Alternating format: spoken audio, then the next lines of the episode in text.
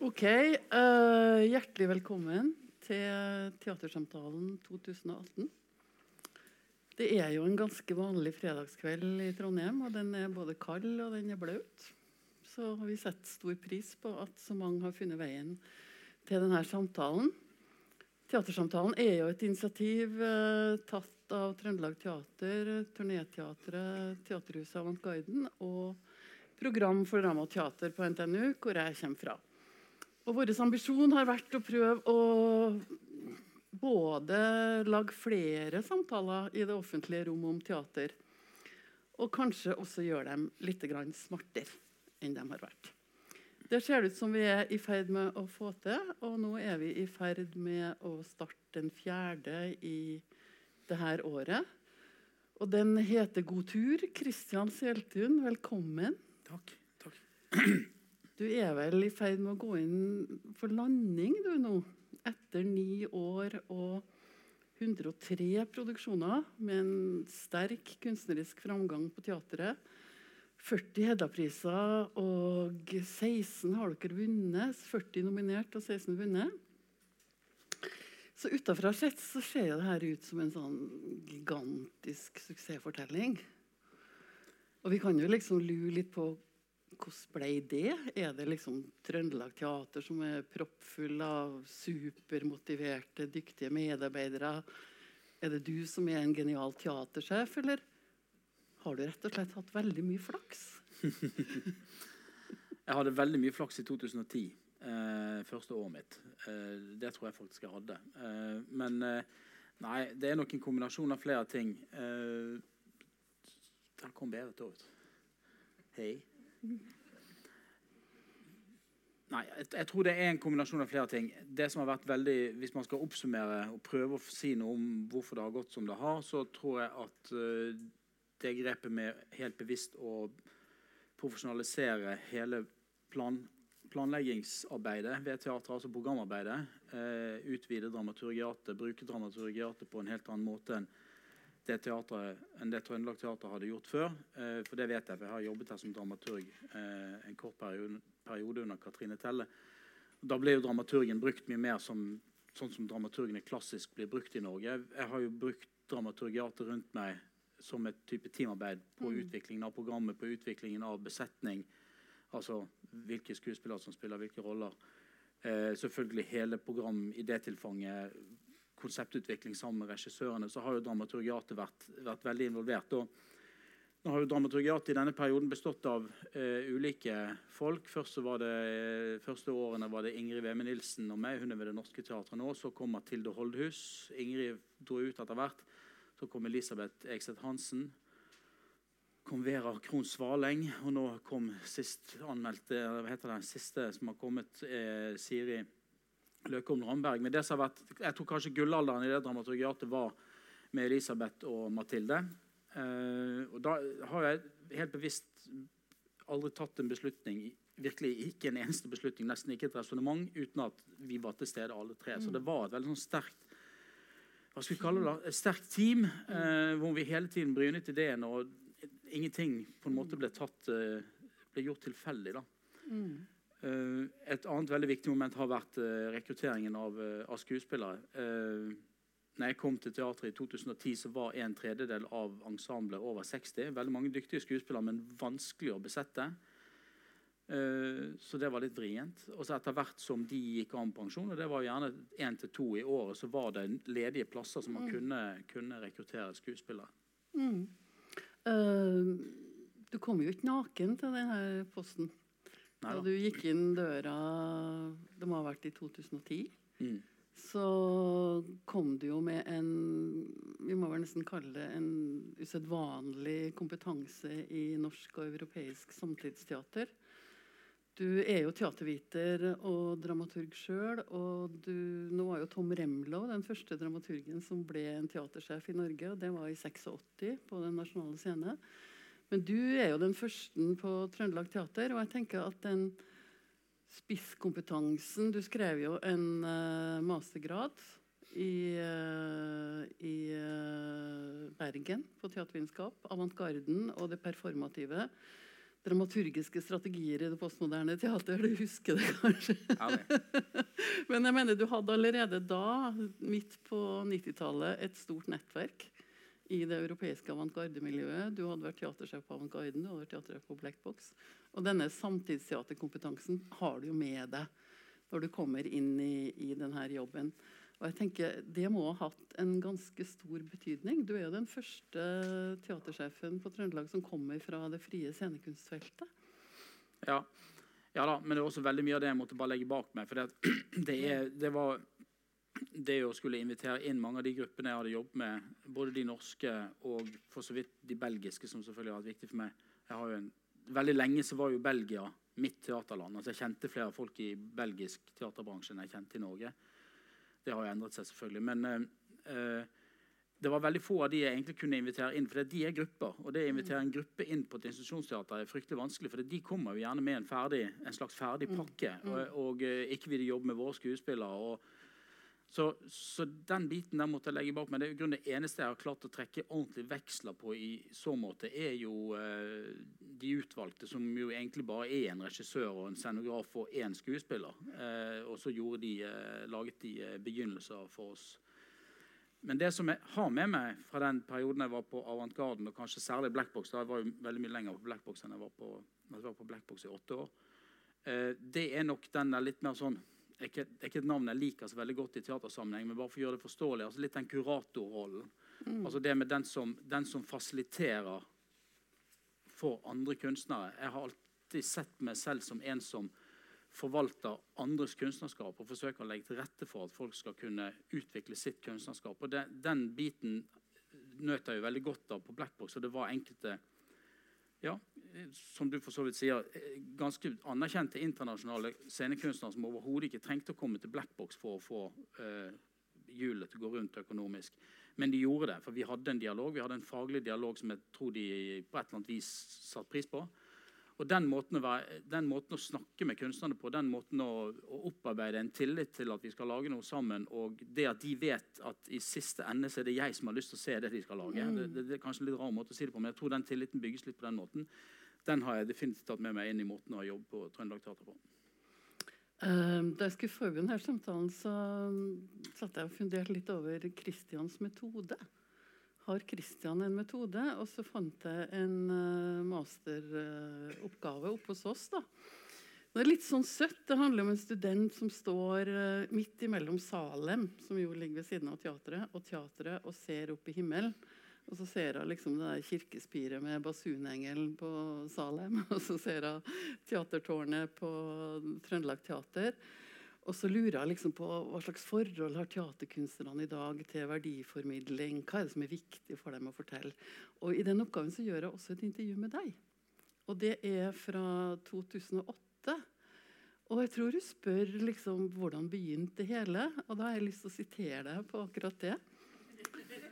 Er det greit? Ja, ja. Dette er jo offentlig. Det begynte jo bare med at jeg traff noen i en eller annen bar etter en forestilling.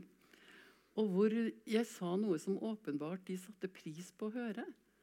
Og det jeg sa, var ikke bare skryt. Det kunne også være innvendinger mot det de gjorde. Men de ville høre mer.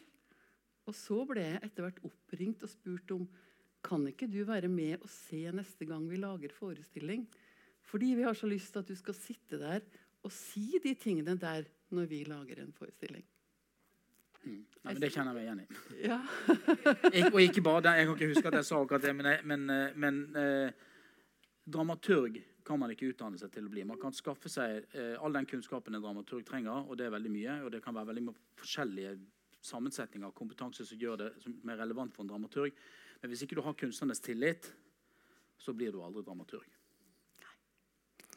Eh, så har det jo skjedd jeg mener, Hvis jeg går litt inn i både regi, valg av regissører, skuespillere, publikum og en del tematikker Men jeg har jo lyst til å starte i at det har jo skjedd en stor endring. Jeg var jo dramaturg på teatret på 90-tallet. Og da begynte egentlig alle diskusjoner med at vi måtte finne de bra stykkene. Mm. Og finne et bra stykke. Og jeg fant jo utrolig mange bra stykker av Elfrid Jelinek og Petter Hanke og Heine Müller osv. Men det var da i den tida ikke spillbart. Nei. Og ikke spillbart, det betyr at uh, det ikke var en psykologisk realisme. Altså at det var på en måte en veldig bestemt spillestil som var knytta til hva som var de bra og ikke bra stykkene. Mens du har jo på en måte, med det teatersynet du kom med, og med de dramaturgiske strategiene, så plasserer du deg jo ikke i en tekstteatertradisjon på den gammeldagse måten. Du har jo et mye mer visuelt og auditativt forhold til den teaterforståelsen du har. Uh, kan du si litt om det? Jeg har et fett sitat på det òg, hvis du Skal jeg ta det? Ta sitatet først, for hvis jeg skal si noe om det, så må jeg få lov til å snakke ganske lenge. Greit. For meg er teatret like mye en visuell som auditativ kunstform.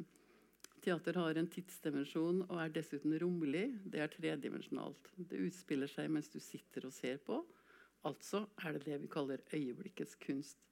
Dette må vi aldri glemme, for det er grunnleggende for teatrets egenart som kunstform. Det er sitert i en bok som Forolf Berg og Jensen gjorde i 2012. Mm. Nei, men det der er jo tradisjonen jeg kommer fra, er jo altså, Hvorfor oppstår teatervitenskap som fag sant? i Tyskland 1910-1920? Kanskje 30, jeg Den historien kan jeg ikke godt nok. Men det oppstår jo som fag fordi at man innser at litteraturvitenskapen eh, studerer feil objekt. Eller forsker på feil objekt når den forsker på teater. For den forsker på skuespillene. altså De skrevne skuespillene den forsker ikke på forestillingene. Så teatervitenskap er et fag som er veldig tidlig ute med og egentlig parallelt med fremveksten av regikunsten. Regikunsten er ikke så fryktelig gammel. Eh, tidlig ute med å anerkjenne eh, teater som en selvstendig kunstform. Altså en kunstform i sin egen rett. Og eh, Hvis ikke vi kan være enige om at eh, teater er en kunstform i sin egen rett, så kan vi bare gå hjem med en gang. For det, det er det. Teater er først og fremst en romlig, visuell og lydlig eller auditiv kunstform. Det er noe vi sitter og ser på og hører i et rom som er sosialt, og som skjer der og da. Derfor er ikke jeg så interessert i å snakke om digitalisering og sånn, sende det direkte på kino i Stjørdal. og sånn, for det er ikke teater. Vi kan godt gjøre det for de som ikke greier å komme. Jeg anerkjenner den dimensjonen, Men teater handler om å gå inn i den bygningen. Teater er ekstremt lokalt. Teater er et åsted. Man må være der. Og dette her er, Sånn er det bare. Eh, så kan man snakke om begrepet dramaturgi. og Det er utrolig, det, det er et herlig begrep. Eh, nå skal snart Elisabeth eh, gjøre den øvelsen. Ny teatersjef forklarer styret hva en dramaturg egentlig gjør. Eh, for så å gå over på del to. Hva er egentlig dramaturgi? Det har jeg egentlig fått noen spørsmål om. Hva ja. gjør en dramaturg? Nei da, men det tar vi en annen dag. Eh, de er veldig viktige. Eh, nei, men jeg tror de fleste forbinder begrepet dramaturgi med rekkefølge eller disposisjon eller eh, tingenes eh, altså hvordan, komposisjon. Sant? Man bruker det veldig ofte i overført betydning. Ikke minst har man gjort det i senere tid i norsk språk. altså Man snakker om dramaturgien i et politisk, eh, en eller annen politisk skandale osv. Men da bruker man det metaforisk. Å snakke om dramaturgien i en novelle er faglig sett helt meningsløst. Dramaturgi er samspillet mellom det som skjer på en scene, og det som er i et handlingsforløp. Det handlingsforløpet trenger ikke være litterært. Eh, man, noen av dere har kanskje hørt om et begrep som har vært veldig populært de siste 10-15-20 årene, nemlig det postdramatiske. Det er en tysk teaterteoretiker som heter Hans Thies Lehmann, som skrev en bok i 1999 tror jeg den kom, som heter 'Das postdramatisches Theater'. Hvor han kompliserer dette veldig, mener jeg. Eh, jeg er helt enig i egentlig alt han skriver. Jeg kommer fra den tradisjonen selv, med likestilt dramaturgi og alt er fullstendig oppløst. og Heiner Müller og alt det der. Men jeg tror vi kan gjøre det veldig mye enklere for oss hvis vi bare lager en litt annen fortelling. Hvis vi ser for oss at vi er i Hellas sånn 2500 år før Kristus, på den tiden hvor vi mener at teatret oppsto, så tenker man seg jo at teatret kommer fra egentlig eh, rituelle praksiser, altså praksiser knyttet til utøvelse av religion. Eh, på et eller annet tidspunkt så er det noen som begynner å skrive for dette teatret. Begynner å skrive, Hvis teatret går, teatret går dit, og teatret kom inn der, teatret sier det og det akkurat der og da, så kommer dette til å bli knallbra teater. Det, og det er dramaturgi, men det er ikke der ideen om dramaturgi oppstår. Det er ikke litteraturen. Hvis vi nå tenker oss at litteraturen er én person og teatret er en annen person, så er det ikke litteraturen som finner på dramaturgi. For dette kan ikke litteraturen i det hele tatt forestille seg om ikke teatret sitter på andre siden av bordet. Så den, den, den andre, som vi skal snakke i Derridas termer, som, som teatret utgjør for litteraturen, kommer vi aldri unna. dramaturgi er teatrets begrep. Og da har jeg lyst til å få virke veldig intellektuell nå. da. Ja, det er bra. Eh, så skal, hvis noen av, der, noen av de av oss som var opptatt av å prøve å finne ut hva det postmoderne var på 80- og 90-tallet, et begrep vi ikke snakker om lenger, egentlig, men så var det særlig én bok som var veldig viktig, og det var Jean-Francois Lyotard.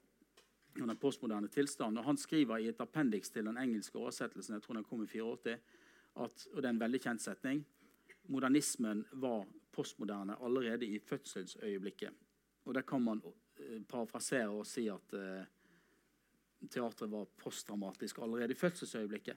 Og det som, det som, dette betyr, det er at vi trenger ikke Litteraturen har vært utrolig snill med oss. Den har sittet på sidelinjen og sagt at jeg kan hele tiden tilby Hvis du teatret bare gjør sånn som jeg sier nå, så kommer det til å bli knallbra teater. Og det har teatret gjort, og vi setter veldig stor pris på det. Men Trøndelag Teater, sånn som jeg har sett på det, er ikke en litterær institusjon. Det er en scenekunstinstitusjon. Dramaturgien er vårt begrep. Så når Carl Frode Tiller til slutt da sitter på mitt kontor en eller annen gang på nyåret 2014 og vi snakker om det som da blir eh, begynnelser nærmere to år senere, så sier et eller annet, og det er litt frekt å si til en så dyktig forfatter, men sier at jeg har ikke så lyst til at du skal skrive skuespill. For jeg syns du skriver et veldig godt skuespill. Så blir han liksom, så sier han, så sier han men er ikke det, du skriver fryktelig gode linjer. Du skriver nydelig handling. altså Jeg liker alltid det, men strukturen din i det er ufattelig tradisjonell. Og Det er han helt enig i. Så jeg sier at kan ikke du bare komme kom med hvilken som helst tekst til oss? Du bare ta opp av skrivebordsskuffen det du måtte ha.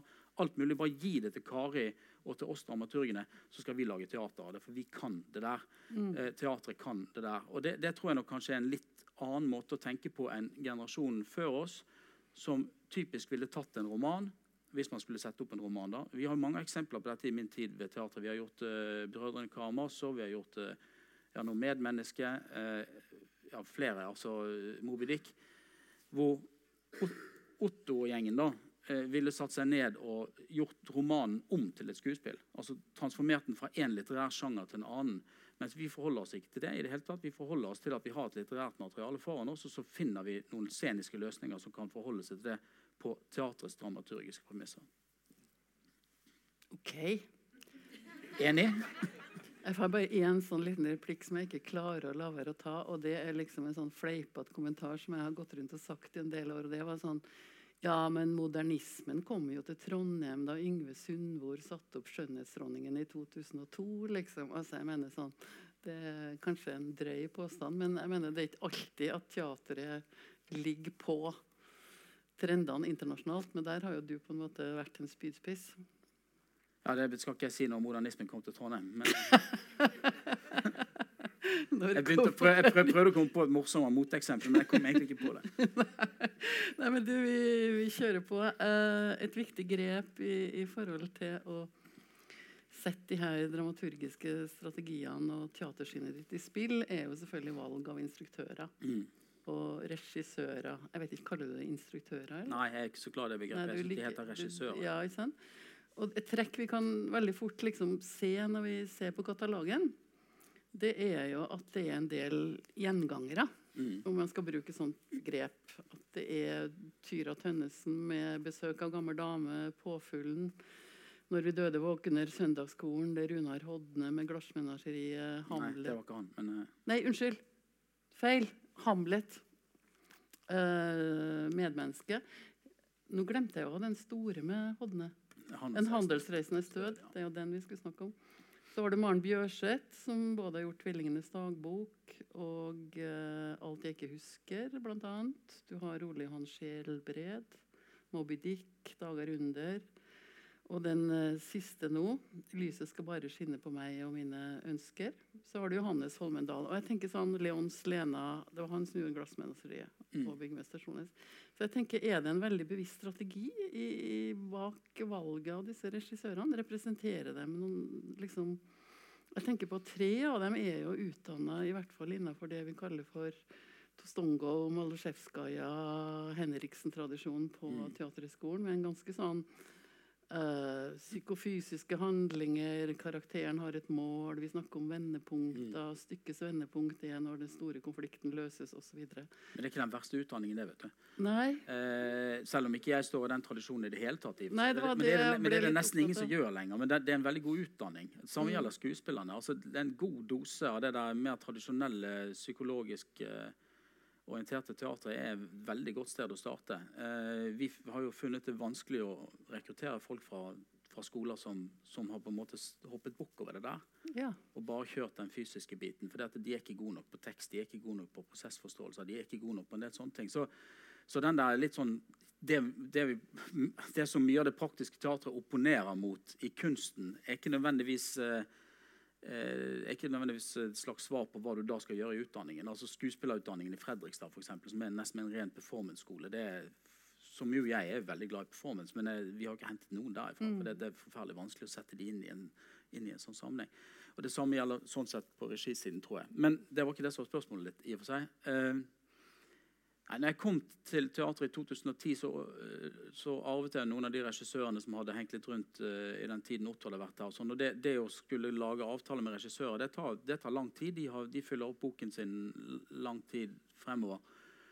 Uh, Så etter hvert å få fatt i de som jeg hadde kanskje mer lyst til å jobbe med, det tok litt tid. Uh, Rune Hodne var en av de første. Han kjente jeg ikke så veldig godt. Jeg hadde truffet han bare helt tilfeldig i noen sammenhenger på noen premiere. og sånt. Men han, han husker jeg at jeg ringte til og sa at du nødt til å møte meg på en kafé eh, i Oslo. var jo det for jeg bodde jo der enda, og eh, Han satte meg bare på og tvang han til å dra til Trondheim og sette opp uh, Ifigeneia av Finn Junker. Eh, Uh, og det tror ikke han jeg tror virkelig jeg tror ikke han hadde lyst til det i det hele tatt. Uh, sånn i utgangspunktet. Uh, men vi, vi utviklet jo en veldig god faglig dialog. Og han er vel kanskje den etter de ni årene som jeg har den hvis jeg skal være helt ærlig, den beste sånn personlige dialogen med på teater. Vi, jeg var så heldig at jeg fikk være dramaturg når han gjorde 'Villand' i fjor. Det synes jeg var kjempegøy å jobbe med. og vi har jobbet godt sammen. Men så ellers så tror jeg det handler, og Kjersti Haugen må man også nevne i den sammenhengen. når du nevner alle disse navnene. For Kjersti Haugen var jo med oss eh, særlig den første halvdelen av perioden. det er vel ti Ibsen-oppsetninger? eller Hvor mange er det? Ikke som hun har gjort, nei. Nei, jeg tenker totalt i Ja da, men hun, men, men hun var, med, var med og gjorde mange veldig gode produksjoner. Eh, 'Dukk hjemme' til Kjersti Haugen var strålende produksjon. Gjengangere. Gjenganger gjorde hun òg. Mm. Nei, men så tror jeg kanskje det handler igjen om det som jeg sa i stedet. En slags forvaltning av kunstnerskapet. Jeg, jeg syns det er interessant å invitere tilbake eh, Ikke fordi at man liksom bare skal holde på med noe, for vi har virkelig jobbet med veldig mange forskjellige regissører. Det er langt flere enn en de som du nevner nå. Og noen av de andre har jo også vært tilbake flere ganger. Men kanskje særlig da Ole Johan Skjelbred er vel en sånn Han har jo blitt litt regissør han på Trøndelag Teater. Han er jo egentlig skuespiller på Nationaltheatret og dramaturg på Dramatikkens hus i Oslo. En litt sånn type som gjør mye, mye innenfor teater. En veldig engasjert fyr. Han har gjort litt regi i Oslo, men ikke på den måten som han har fått gjøre hos oss. Mm. Eh, så han har jo Han hadde vært gøy å, å på en måte altså Det høres så teit ut å bygge, men det er en som vi har satset litt på da, og hatt en dialog med, som har kunnet fått lov til å se at han har kunnet utvikle seg. eh, og han har fått lov til å gjøre veldig mye det han har, egentlig det han har villet. Eh, Johannes Holmendal er jo en veldig, veldig interessant regissør som eh, vi så vidt egentlig bare har sett begynnelsen på så langt. Han hadde diplomoppgaven hos oss, men han har jo, etter det så har han jo vært mye i Stockholm, han har vært i Danmark. Og i Stockholm har han vært på, på, på, på Men- Dramaten og sånn, så det er jo voldsomme ting. Men, men, men det er klart for oss å, å følge han er også interessant. da. Men hvordan jobber du med dem? Er det liksom, er sånn teatersjef som henger inn på prøvene og Mm, Jeg liksom har hørt at når eh, Kjersti Haugen skulle sette opp eh, Adrian Posebilt, så sa du liksom bare én setning. Mm. Og det var at du ikke ville ha rumlende tønner i rangklar, liksom. Mm. Så det er kanskje ikke så mye som skal til. Nei, men det er jo en ganske ty det er jo en ganske, det er jo en ganske klar uh, Melding. føring, da. Oi, oi, oi. Mediene må få sitt. Black Friday og greier. Jeg skulle inn på torget og kjøpe noen sånne helt dustete greier. Bare, hva som skjer? Helt umulig å komme inn der. Ja. OK. eh, da har jeg lyst til å gå litt på det Nei, her. men vi var midt i et kjemperesonnement. Ja, vi var det. Og det var Jo, men Kan jeg få spisse spørsmålet mitt? Ja. Og det er litt grann sånn teater som en arena for kunstnerisk utviklingsarbeid. Mm. For det er jo selvfølgelig veldig mye av det som skjer når de her eh, kalde regissørene med sine kompetanser kommer og møter kan du si, et, kanskje en, en kunstnerisk samtale hvor en visualitet, en auditiv tilnærming, en posttraumatisk tilnærming blir sentral. Mm. Så blir det jo et laboratorium for kunstnerisk utviklingsarbeid.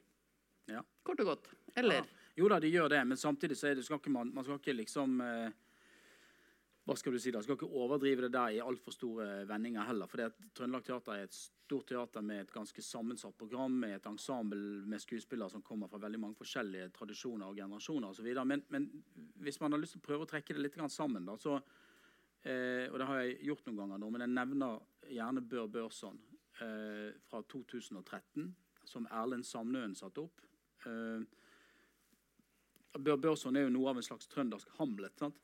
Skal ikke, skal ikke, kødde for mye med det før folk liksom For det, det, det, er utrolig morsomt hvordan folk hadde en idé om hvordan, hvordan liksom, hva slags skuespiller det er som kan spille uh, Hamlet eller Bør Børson. Ja, ja, ja. sånn, Jeremy Irons kan spille Hamlet, sant? men ikke en eller annen sånn Ikke liksom uh, han der Belushi. Men, men men, men, så er det jo nettopp det som har skjedd i Børson-tradisjonen. Det, det, det, er jo liksom Belushi som spilte Børson først, nemlig, mm. nemlig eh, mm. Rolf Weslund. Mm. Og så i 1998, for det, og Den ble også spilt her i Trondheim på 70-tallet. Eh, og så i 1998 så satte de opp Bør Børson. Da var det med, med eh, Paul Otta Haga. Sant? Kjempelikhet til, eh, til Wesenlund. Og så, så, har jeg den kjempegode ideen at vi skal gjøre det med Mats Bones. da. Og det er sånn, da er det sånn ramaskrik. Det er helt umulig å se for seg at Mats Bones kan være det. For han ligner jo ikke på Paul Otte Haga i det hele tatt. Jeg syns jo at Mats Bones var en helt aldeles glimrende Bør Børson.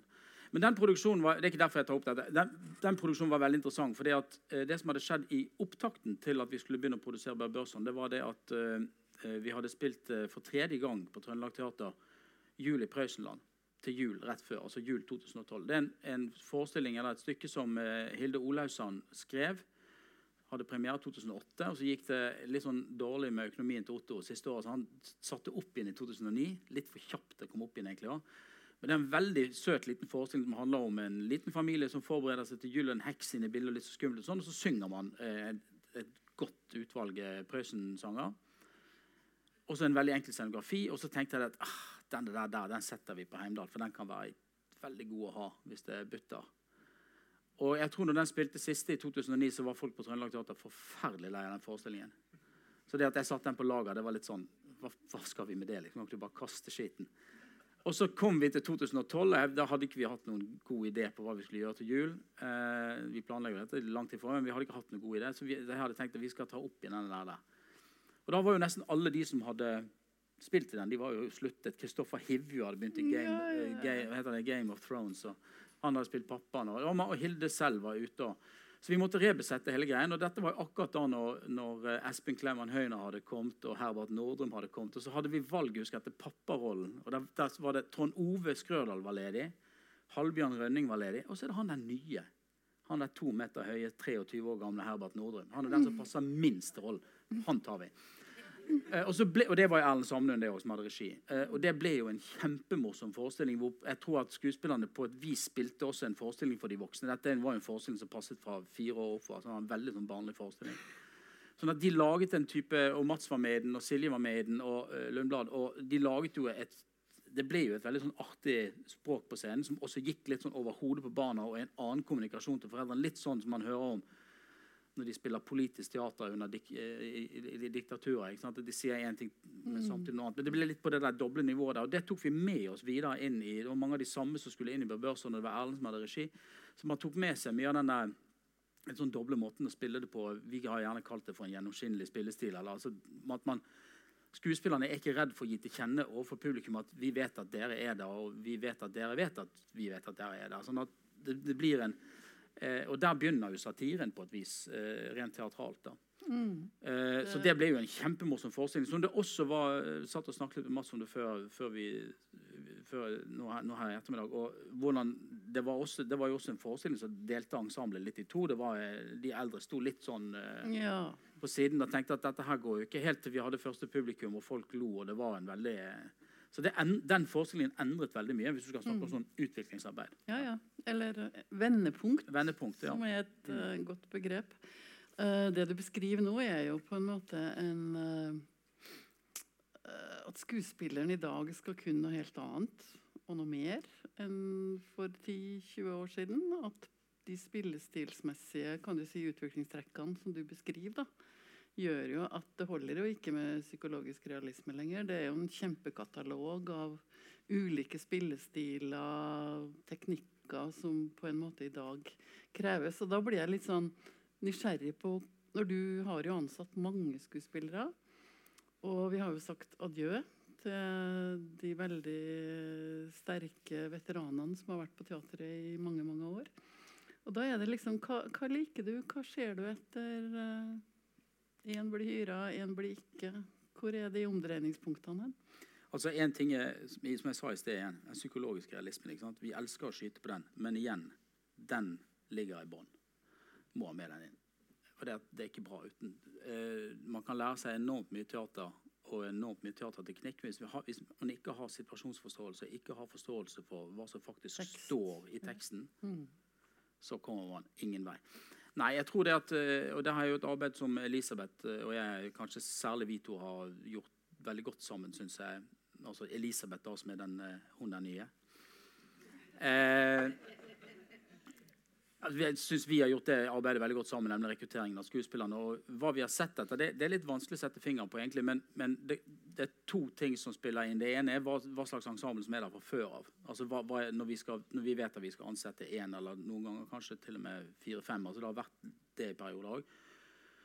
Uh, så er det jo det at Nå må jo se litt hva slags sammensetning av folk du får. Uh, selvfølgelig ser vi på kjønn, selvfølgelig ser vi på alder. Alder er det vanskeligste. Det er veldig vanskelig å, det har vært litt utfordringen de siste par årene at de eldre har sluttet, og så får ikke du tak i nye skuespillere som er 48. Det får ikke du tak i. For de som er gode da, de er veletablert et eller annet mm. sted med familie osv. Men, men, så vi har jo gått veldig ungt, og vi har gått veldig på, vi har gått veldig på Statens teaterhøgskole. Syns de er flinke der. Uh, nei, jeg vet ikke. Det er fryktelig vanskelig å skulle si at de har noen ting felles, annet enn at de må ha en god tekstforståelse, god situasjonsforståelse. De må ha et uh, vidt vidd, som jeg kaller det. altså Litt sånn intelligent humor. Uh, gjerne, morsom, gjerne, morsom, på fritiden, gjerne lekende. Gjerne tørre å bjude på. og veldig gjerne litt intelligente hobbyer på fritiden òg. At det er litt mer enn bare det å ville stå på en scene. Hva er en intelligent hobby? Nei, men altså litt sånn Litt, litt intellektuelt orientert, syns jeg. Eller ikke noe intellektuelle feil ord, men altså les, lesende Engasjert. Folk, engasjerte folk som følger med, og ikke bare den der eh, at det er nok for meg om jeg får lov til å stå her med en paraply og synge. Liksom, for det er ikke det dette handler om. Ok, Da skal vi hoppe over til publikum. Ja, Publikum er viktig vet du, i teatret. Uh, og Jeg ringte jo til teatret i dag så spurte jeg ok, jeg skal ha med mannen min og to barn. Nå er jo mine barn ganske store, så de er blitt voksne, men om de hadde vært små, så ville det kosta 1000 kroner. da. Mm. Og hatt med ektefelle og to barn på mm. teatret. Mm. Og det finnes jo en lang tradisjon i teatret for folketeater, for publikumsorganisering. Altså en diskusjon omkring når er smertegrensen nådd på billettprisen. Ja og man samtidig skal liksom bryte ned de her som departementalt heter levekårsbetinga vilkåra mm. for å trekke et publikum i teatret. Hva vet dere om publikummet deres? Sånn geografisk, sosialt? Uh... Nei, det, Man skulle alltid hatt lyst til å vite mer om publikum enn det vi greier å vite. Men det vi vet om publikummet ved Trøndelag Teater sammenlignet med andre teatre, er at det er temmelig sammensatt. Det er godt sammensatt på kjønn. Og da betyr det at vi har ganske mange menn. For det er mye kvinner som går i teater i Norge. Vi er ganske godt representert på menn. Vi er ganske godt uh, fordelt på alder. Det går en del unge folk på Trøndelag Teater. Da tar vi også når vi teller de, altså også når vi teller de som kommer på det vi kaller individuelle besøk. Altså som ikke er tvunget ut dit i en eller annen i regi av noen andre, og skole eller et eller annet. Uh, mitt inntrykk av Trøndelag Teaters publikum skremte meg jo litt når jeg kom dit først. altså Allværsjakkene, som Katrine Telle kalte dem. Uh, for det er jo et veldig sånn, det er veldig sånn uborgerlig publikum. og det uh, I motsetning til Bergen. nei, Bergen skal ikke jeg si, for det har ikke jeg sett så mye teater. Men hvis du sammenligner med Rogaland Teater i Stavanger, ja. hvor, hvor, det å gå i teater definitivt handler om å liksom shoppe seg en kulturell kapital, så er ikke det det som er tilfellet på Trøndelag i hele tatt. Uh, og Det skremte meg litt til å begynne med. for jeg kom jo fra Blackbox teater kan vel neppe beskrives som noe annet enn ekstremt borgerlig. Hvis man, hvis man, hvis man bare hopper bukk over, over liksom det at uh, frigrupper er litt sånn ullteppe og sånn. Men, men uh, uh, For det, det, er, det, er, et veldig sånn kunst for kunstens eget skyldsted. Ja. Men, mens, men, mens, jeg kom hit og tenkte Men dette har jo vært veldig positivt, for det, den gjengen kommer jo stort sett. Eh, og er et publikum som er veldig lite, har veldig lite fordommer, har, veldig lite, har gjort seg opp veldig få meninger på forhånd, men lar seg begeistre når de gjør det. Og jeg har vært utrolig, jeg synes jeg har vært utrolig heldig med det publikummet. Og så har vi også et visst eh, regionalt tilfang. Det, langt de fleste kommer jo fra Trondheim, har vi undersøkelser på, men det kommer også fra også de kommunene som ligger nærmest eh, Trondheim, som Melhus og, og Ranheim og sånn. Men det kommer også folk jeg, Var det feil, det? For det var Ranheim er ikke kommune, det. Nei, Ranheim er bare et tettsted. Ja, men det er nest, Hummelvik, da. Det er ikke kommune heller. Malvik. Malvik var det jeg tenkte på. Herregud. Men Ranheim har et fotballag. Det trodde jeg, ja, ja. Nei, vet du hva? Det er det som er største forskjell på Trondheim og Bergen. Bergen er en kommune som har lagt under seg absolutt alt rundt. Så Bergen kommune er liksom er det sånn 17 mil fra den, sånn, den veien. Mens Trondheim er det bare så vidt du er utenfor, så det er en ny kommune. Beklager, jeg skulle ha kunnet det der ordentlig. Har ikke Ranheim vært kommune heller? Nei, aldri. Nei, Fana var egen kommune i sin tid. Ja. Nei, men eh, eh, Ok. Jo, men altså, de kommer fra hele fylket, så vi har også en, har også en regional eh, tilstrømning til teatret. Men så er det klart det som du sier, den tusenlappen, eh, den tenker vi mye på. Og vi har vært litt opptatt av å holde det nettopp på en tusenlapp. Mm. Eh, vi får kjeft av Riksrevisjonen fordi vi ligger lavt i landsgjennomsnittet. De syns vi har billige billetter. Eh, så kan du si 1200 eller 800. Det er uansett veldig mye penger for en hel familie å gå på teater. Så det vi diskuterer nå, ser jeg på Merete, markedssjef det vi diskuterer er vel egentlig faktisk kanskje å sette opp prisene litt for å tilfredsstille Riksrevisjonen og våre egne budsjetter. Men heller være flinkere på å finne eh, rabattløsninger som treffer de som på et vis trenger dem. Eh, for, det i, for min del er det i hvert fall helt opplagt at Trøndelag Teater også har en side som altså public service, en, en, side som handler om at vi er, vi er til der for alle. Mm. Men det er i noen tilfeller litt vanskelig å, å nå ut. Altså. Det er det. Absolutt. OK. Um, jeg tenker av og til på teateret som vårt siste føydalsamfunn. At det er jo fortsatt sånn at skuespillerne går på korktavla og Eller er det sånn? Og der står det slått opp hvilke roller de skal spille. og mm. De har jo ingen innflytelse på Eller har de det? Eller hva tenker du om det? Jeg tenker at det er på en måte en veldig sånn hierarkisk organisasjon. Ja, det er det fremdeles.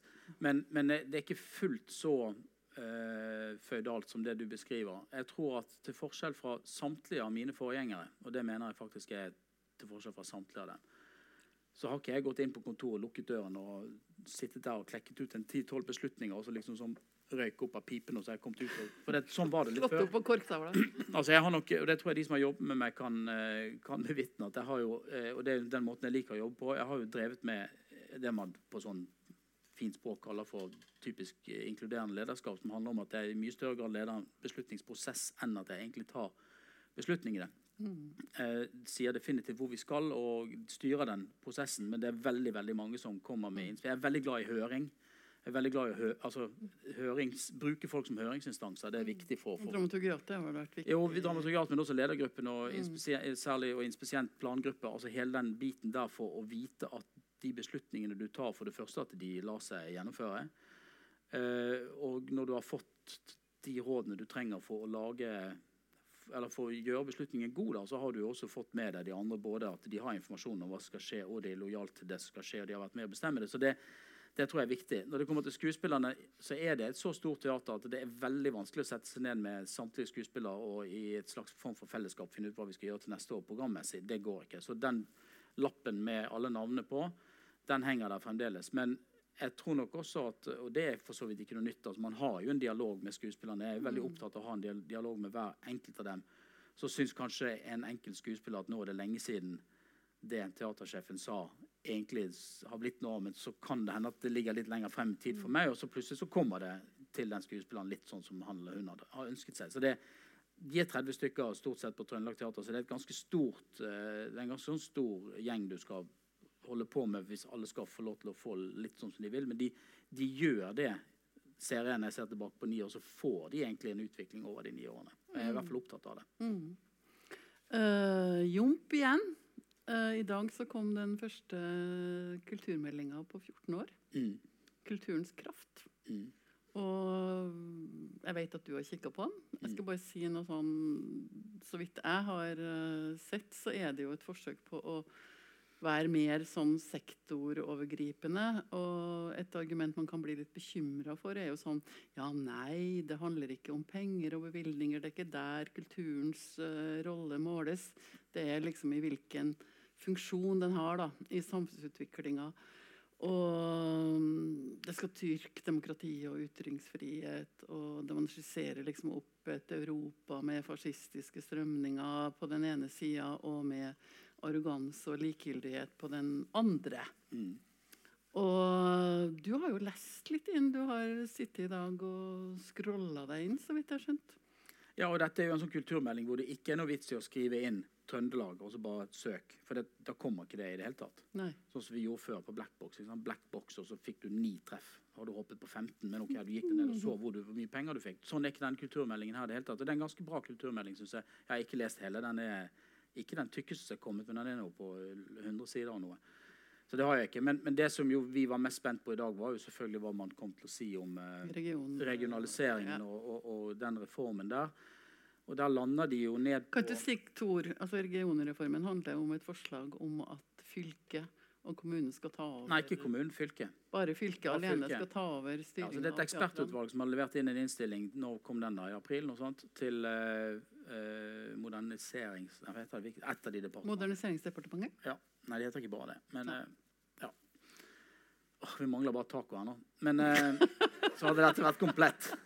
Nei, men de har, de har levert en innstilling hvor de sier at uh, veldig mange ting, altså oppgaver skal over til fylkene, uh, bl.a. Uh, mesteparten av kultur og de store kulturinstitusjonene. Dette var vi veldig imot. Uh, Norsk Teater- og Orkesterforening, er vår arbeidsgiver, interesseorganisasjon, har også vært veldig sterkt imot dette. Så det var gledelig å se i dag at de beholder de beholder denne tredelingen med stat, fylke, kommune, men de gjør et grep som handler om at uh, at størsteparten skal ligge på fylket. Mm. Så det, så det blir en endring. og eh, så har jeg, jeg har snakket Elisabeth og jeg snakket om dette i dag, og det, vi kan jo bekymre oss for det. Men jeg tenker at eh, hvis man får på plass noenlunde samme tilskuddsnivå som Trøndelag Teater har i dag, og det må man jo forutse at man får på plass, så tror jeg også at dette egentlig, egentlig innebærer noe positivt. Nemlig at man, kommer jo, man får jo et helt annet dialogrom rundt eh, finansieringen av Trøndelag Teater enn det man har hatt tidligere. I de ni årene jeg har sittet på Trøndelag Teater, så har vi aldri søkt om noen økning fra staten. Eh, bare fordi at Du kan ikke bare søke om en økning. Skulle vi søkt om en økning, så måtte det ha vært fordi vi ønsket å bygge noe eller ut, lage et eller annet formidlingsprogram som var helt eh, revolusjonerende nytt. Og hvis vi hadde hatt lyst til å gjøre det, så hadde vi da måttet gå hele veien ned til staten og vært i konkurranse med veldig mange andre. Nå kan man faktisk gå til fylkeskommunen, og de kan si at ah, det høres kult ut, det må vi prøve å få til, men vi har lyst til å snakke med staten og vi har lyst til å snakke med kommunen. Så det, man får et annet dialogrom rundt det enn man har hatt tidligere.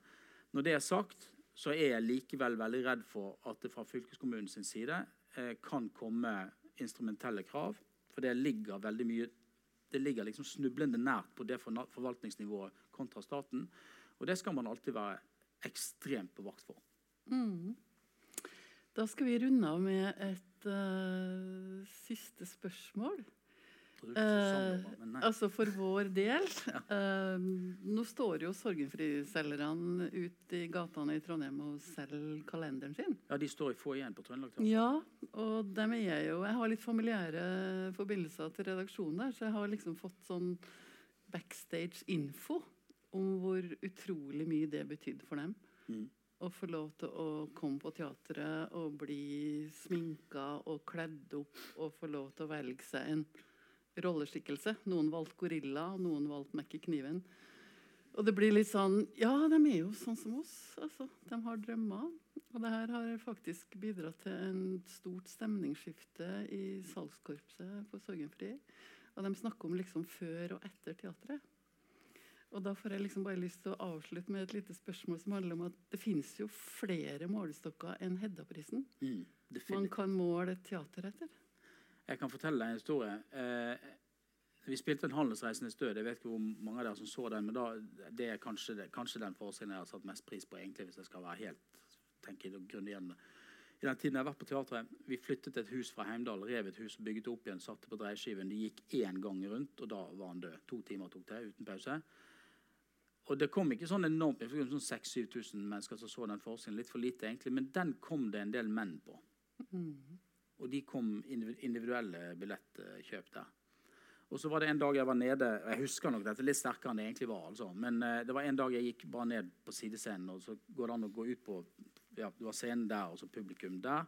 Så gikk jeg bare Da ser man opp på publikum. Og så er jo det sånn at uh, når man sitter i en teatersal, så er man veldig opplyst. I motsetning til hva dere er nå, for det kommer ikke så mye lys på dere nå. Men der kommer det veldig mye lys på publikum.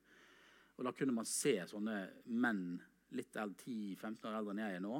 Altså menn i 60 pluss. Som satt og hadde sånne våte kinn. Og det kommer jeg aldri til å glemme. det, det øyeblikket der. Det var sikkert ikke, Oppi mitt hode var det en hel sal full av sånne, men det var det ikke. Men, men, eh, men, men la oss nå si at det var en tre-fire stykker av det. da. Så er det allerede veldig veldig sterkt. For det, det var så, du så det med en gang. Og det var menn som satt der. og den Stykket til Miller, hva handler det om? Det handler om å være far. ikke sant? Eller å ikke klare å Ikke være en god far. Eller ikke klare å være far. Mm. Ok, da sier vi, runder vi av vår bolk.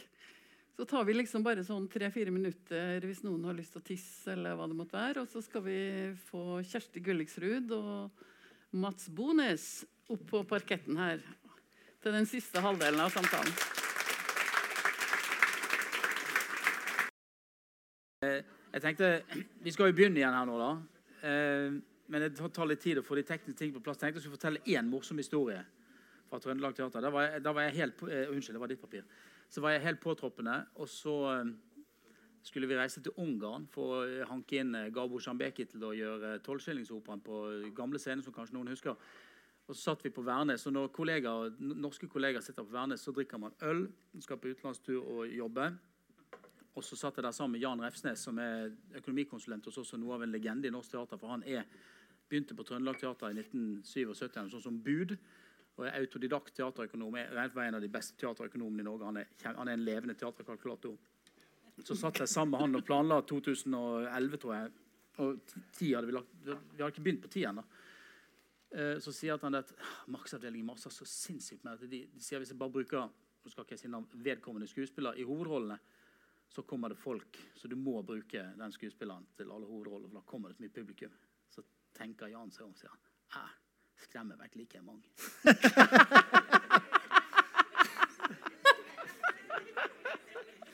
Det er teaterøkonomi på sitt aller beste. Ok, Takk for den, Kristian. Da skal vi si velkommen til Mats Bones Takk for det. Hyggelig å være her. Kjersti Gullikrud, Tusen takk. som skal være med i resten av diskusjonen. Mats, du er jo både skuespiller og dramatiker og midt oppi prøvene på Tordenshow. Mm, vi hadde første sånn prøvedag i går. Så vi, Første prøvedag i går, ja. det er spennende, det, altså. Alltid Ja. spennende med begynnelser.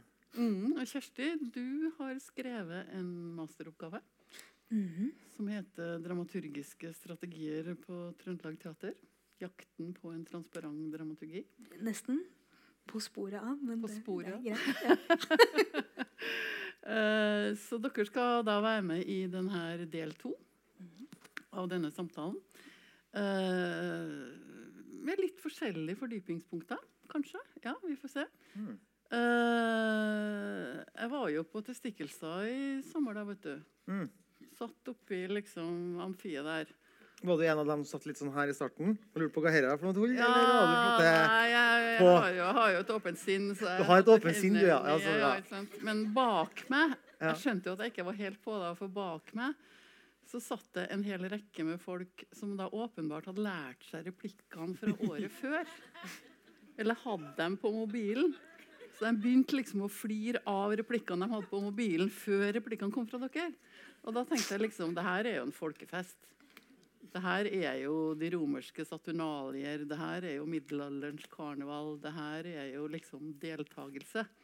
Og det er jo ikke forkleinelse for noen, så har dere jo klart å skape en veldig særtrøndersk, kanskje, eller i hvert fall særprega Jeg kaller det noe estetikk, da. Hva ville du kalle det? Nei, jeg vet da søren. Det er vanskelig å kalle det man holder på med, noe som helst annet enn eh, akkurat det det er der og da. Men det som er interessant, syns jeg, er Altså, du nevner jo det her er alt noen åpenbare fans da, som, har, eh, som har sett det før. Og sånn sett så har jo dette Testiklestad som dette, eh, blitt sin egen parodi. For det var det vi starta med. Vi skulle lage en forestilling som skulle være ett år. Som parodierer det. Eh, Folk holder på om og om, om igjen, men så syns vi det var så artig, så har det blitt om og om igjen. Og vi driver nå i fullt alvor og diskuterer forskjellige versjoner om hva som er best, og hvilke grep man har tatt. Og vi har sånn sett blitt parodien. Men eh, og vi har noen, eh, det- det, For min del altså, er jeg utstyrt med at min entré er stykket stykke på en måte, i hovedhuset der man ser ut mot publikum, som har virkelig, virkelig tida til å studere utviklinga. Og så har vi ser veldig godt fansen, som har vært og eh, fyra litt, som er bare klar for å bli underholdt. Eh, og så har vi dem som på år fem kommer. Så har rota seg opp, på- opp på Sverresborg og se på hva dette er for noe. Det er alltid artig å følge med på dem. Eh, nå så ikke jeg deg, da, men vi hadde en, en venn av familien som sitter i gjenopptakelseskomiteen, som i aller høyeste grad kommer fra beste eh, vestkant, og bare hadde virkelig ikke noe lyst til å være rygga inn hele veien opp Oppdalstunet. Og det var så, ah, så artig å sitte og se på han. Satt der. Altså, altså, bare tittelen vemma fyren. Testiklestad. Altså, så, så billig og så teit. Og så er man på en måte i gang med en slags oppvarming. og Strategien vår der er jo bare å kyle på. Er det noe som kan lukte funny, dundrer vi på. Er det en underbuksevits, dundrer på. Er det et ordspill, er det dundrer på. Er det noe satire? Smell, smell, smell. Bombardering. Og da er det artig, syns vi. Og så er det helt åpenbart noen som sitter her og hater hele greia. så det finnes dem også. Men for eksempel, jeg fulgte med på han som starta her. Så det starter, liksom, det starter med en litt sånn rar intro, en sånn rar sufflør som holder på å ralle med sitt. Han er ikke sikker på om det faktisk har begynt, men hun humrer nå litt på liksom, art, rar, rar uh, huva, liksom. Uh, og så skjønner jeg det er kanskje en del av greia her. her. Så skjer det på en måte så han flyt, flytter seg, så begynner liksom en sånn lang prolog, så skjønner han at det er noe tull, og så bam, kommer en vits som han ufraværende ler av. Og så kommer vi der vi kjører en sånn skikkelig underbuksetirade, og du ser å, rygge tilbake. Og så ser du at han klarer ikke å la være, for det er artig likevel. Og så ser du i løpet av Og så er den her. Og da er den liksom der resten av forestillinga og er på en måte er, altså helt, da kanskje blitt en slags fan, og etterpå så var det beste eh, liksom, eh, komplimentet han kom med. Det her trodde han fadderuttan hadde funka i Oslo.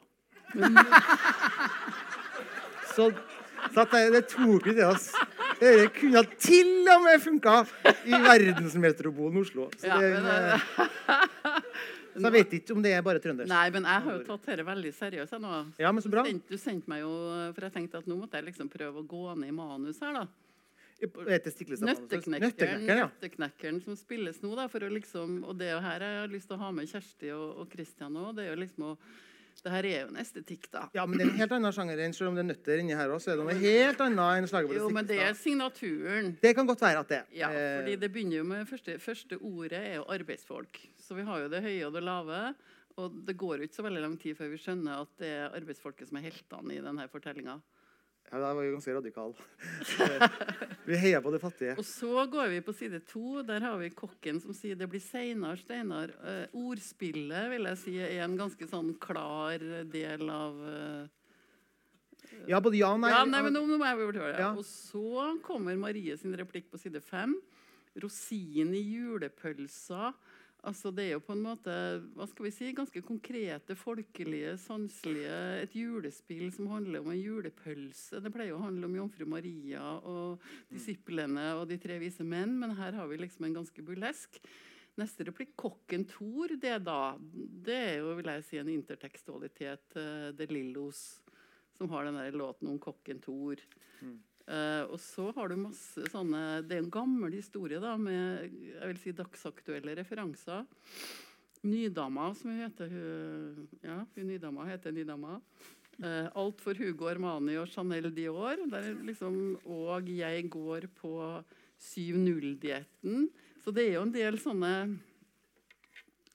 Nå vil jeg gi ordet til Kristian. Det, altså er veldig, er interessant å høre på en sånn nærlesning av eh, tekstene til Nordnes. eh, eh, som jo dette må kalles. Og jeg er sikker på om man kunne ha avlevert en uh, mellomfagsoppgave på det. Men, men, uh, men jeg tror at det er å både undervurdere og overvurdere de folka litt. Grann. For det, eh, altså Mats, har jo, du har jo sagt en gang at vi lar aldri en underbuksevits går fra oss. Har ikke du sagt det? Det har jeg helt sikkert sagt. Ja. Og det, det er noen ting av det som er sagt, som kanskje ikke har vært uh, lure seg sagt. Nei. Fordi en, en ting med det stykket Nei, der, bare må si det, det er kjemisk fritt for underbuksehumor. Ikke en eneste. Vi har til... Nei, vi, hadde, vi hadde litt i prøveperioden, og så Ja sa du på et tidspunkt at alt sammen skal vekk. Og det er jeg helt enig med deg for det, det passer ikke helt i den, i den sammenhengen der. Nei, men det som, det som jo er med, er med det greiene som uh, Mats og Olve må vi jo si, sant, og Mathilde i denne sammenhengen her også uh, Holdhus holder på med, er jo, er jo bare et, et, et, altså et eh, Hva heter det? Et enormt overskudd. eh, og en enorm kreativitet. eh, og et enormt Det er også skrevet veldig fordi man ser for seg hvordan det skal settes opp. Derfor var vi, Grunnen til at vi setter opp i Nøtteknekkeren sånn For du var jo dramaturg på den.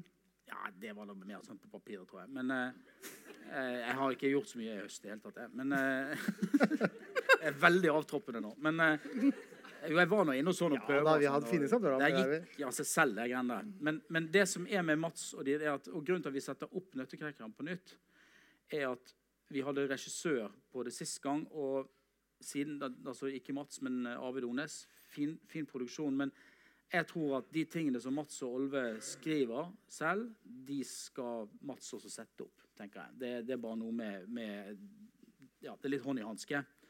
Så har jeg også sagt at uh, det kunne vært interessant å se Mats sette opp noe han ikke har skrevet, men det blir en annen diskusjon. Men, men, uh, men akkurat den der, der, der jobber så veldig tett Altså teksten uh, er veldig skrevet for det som dere har tenkt å lage scenisk.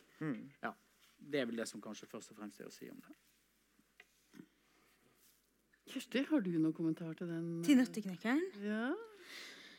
Nei, altså det? Ja, jeg var jo og så den. Jeg var, var, var på premieren. Eh, nei, hva skal man si? Det er jo, er jo en ny versjon av Nøtteknekkeren. Eh, men jeg har ikke, altså, det er jo et folkelig prosjekt, vil jo jeg da bare si. Nå har ikke jeg, jeg altså, jeg er jo her egentlig med en sånn masteroppgave i bakhånd og har egentlig ikke skrevet noen ting eh, om Nøttekrekkeren. Nøtteknekkeren Nei, eller sant. om eh, deg.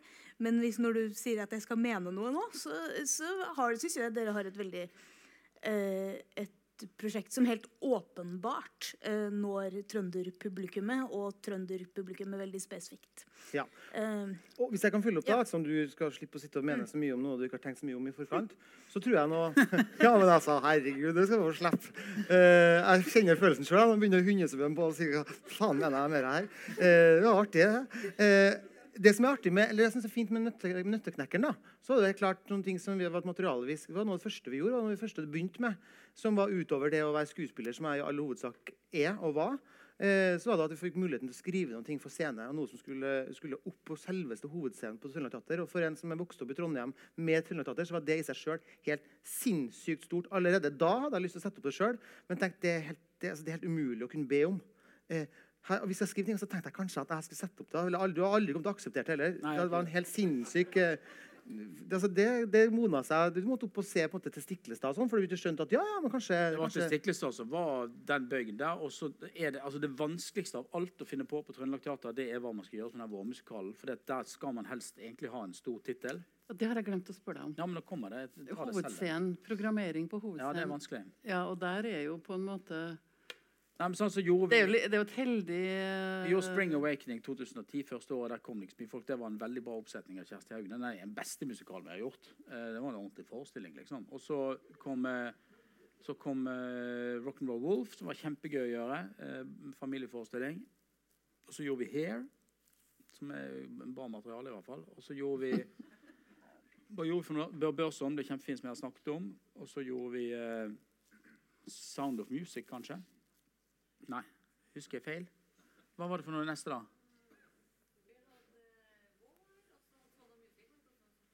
Ja, Sound of Music. Og så med så 100 hemmeligheter hadde vi òg med Cirka-teater. Men i alle fall, så var det på et eller annet tidspunkt så tenkte jeg bare at jeg tror at Mats kan fikse denne hovedscenen, men da må han komme opp med ideen selv. Altså Det må virkelig være noe. Så da satt vi på mitt kontor og snakket veldig lenge om Grease. En formiddag på Grease der. Jeg hadde noen innmari gode ideer på Grease. Ja. Det som jeg visste, var at jeg hadde Klaus Joakim Sonstad på hånden. Han, Ja, hadde, han var ingen Danny. Det var, det, vi det var vel det vi konkluderte Ja. med. Vi var, han var veldig, han var Danny veldig lenge. Han var Danny kjempelenge. med en helt annerledes Danny òg. Ja, ja. Det hadde vært. Jeg tror at det kunne vært artig.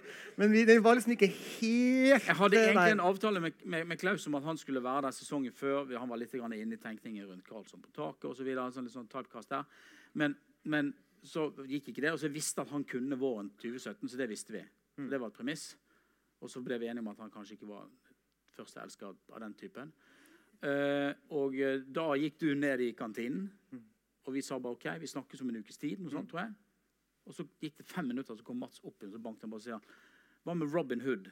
Mm. Skrive en ny greie på det. Kun populærmusikk fra trøndersk eh, Eller kun trøndersk populærmusikkhistorie. Og da smalt det av deg. Ja. Det er utsolgt as we speak, og det skal hete Robin Hood Rai Rai Sjøvelskogen. Ferdig snakka. Og sånn var det. Man kan jo si at det starta med Klaus Solstad. For jeg snakket, Klaus Solstad, hva helvete skal du Ja, men han kan spille Han er jo Lille-Jon. Han er Lille-Jon. ikke Ja, sant? Så klart, Sånn er det tilfeldighetene og øyeblikket og alt som er med kunst. Og det som er artig med Kristian Seltun nå, er jo disse samtalene man har. Man leter, man jakter, men når man har fått ferten av noe som har krutt i seg, så er man kjapp. Og det er noe med den gleden der. Den der euforien av å skjønne Der fikk vi den gode ideen. Eh, der fikk Vi et eller annet som vi, ah, vi ser det for oss. Jeg var Aldri i tvil etter det. Nei. Det, det er det lille øyeblikket. Det bare, sånn, det er bare å kjøre det ut. Ja. 42 000 billetter. Boff. Borte. Ja. Det er gøy. Det var bare det jeg mente. At Ja. det er jo et lite gullegg som sitter her, hvis jeg skal as we speak. ja, nei, men det, det, det er jo samarbeidet. Og det er jo en ting som Kristian har vært god på. er jo det et samarbeid som strekker seg over hele huset. Det finnes sikkert folk fra Trøndelag Teater, en stor institusjon som ikke nødvendigvis er enig i dette. Det er ikke alle man sammen like godt med, men jeg kan jo snakke på vegne av meg sjøl og på vegne av hovedsak, altså skuespillerensemblet. Og den stemninga er den følelsen av dette store samspillet, det store teatersamspillet, som eh, på en måte tror jeg eh, gjør at teatret strekker seg gang etter gang etter gang. etter gang, Og det er en ting som skjer når man flytter seg fra det å være en del av skuespillerensemblet over til den motsatte eh, Ikke motsatte, da, men en annen, annen vinkling. Det å være regissør, rett og slett.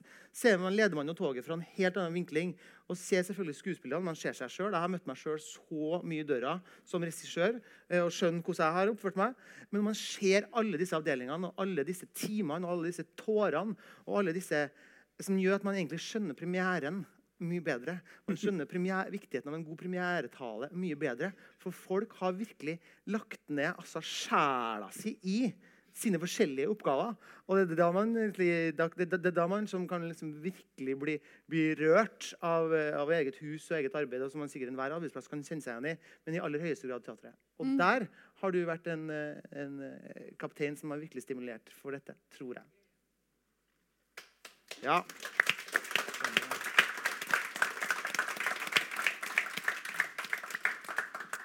Um, Kjersti, mm.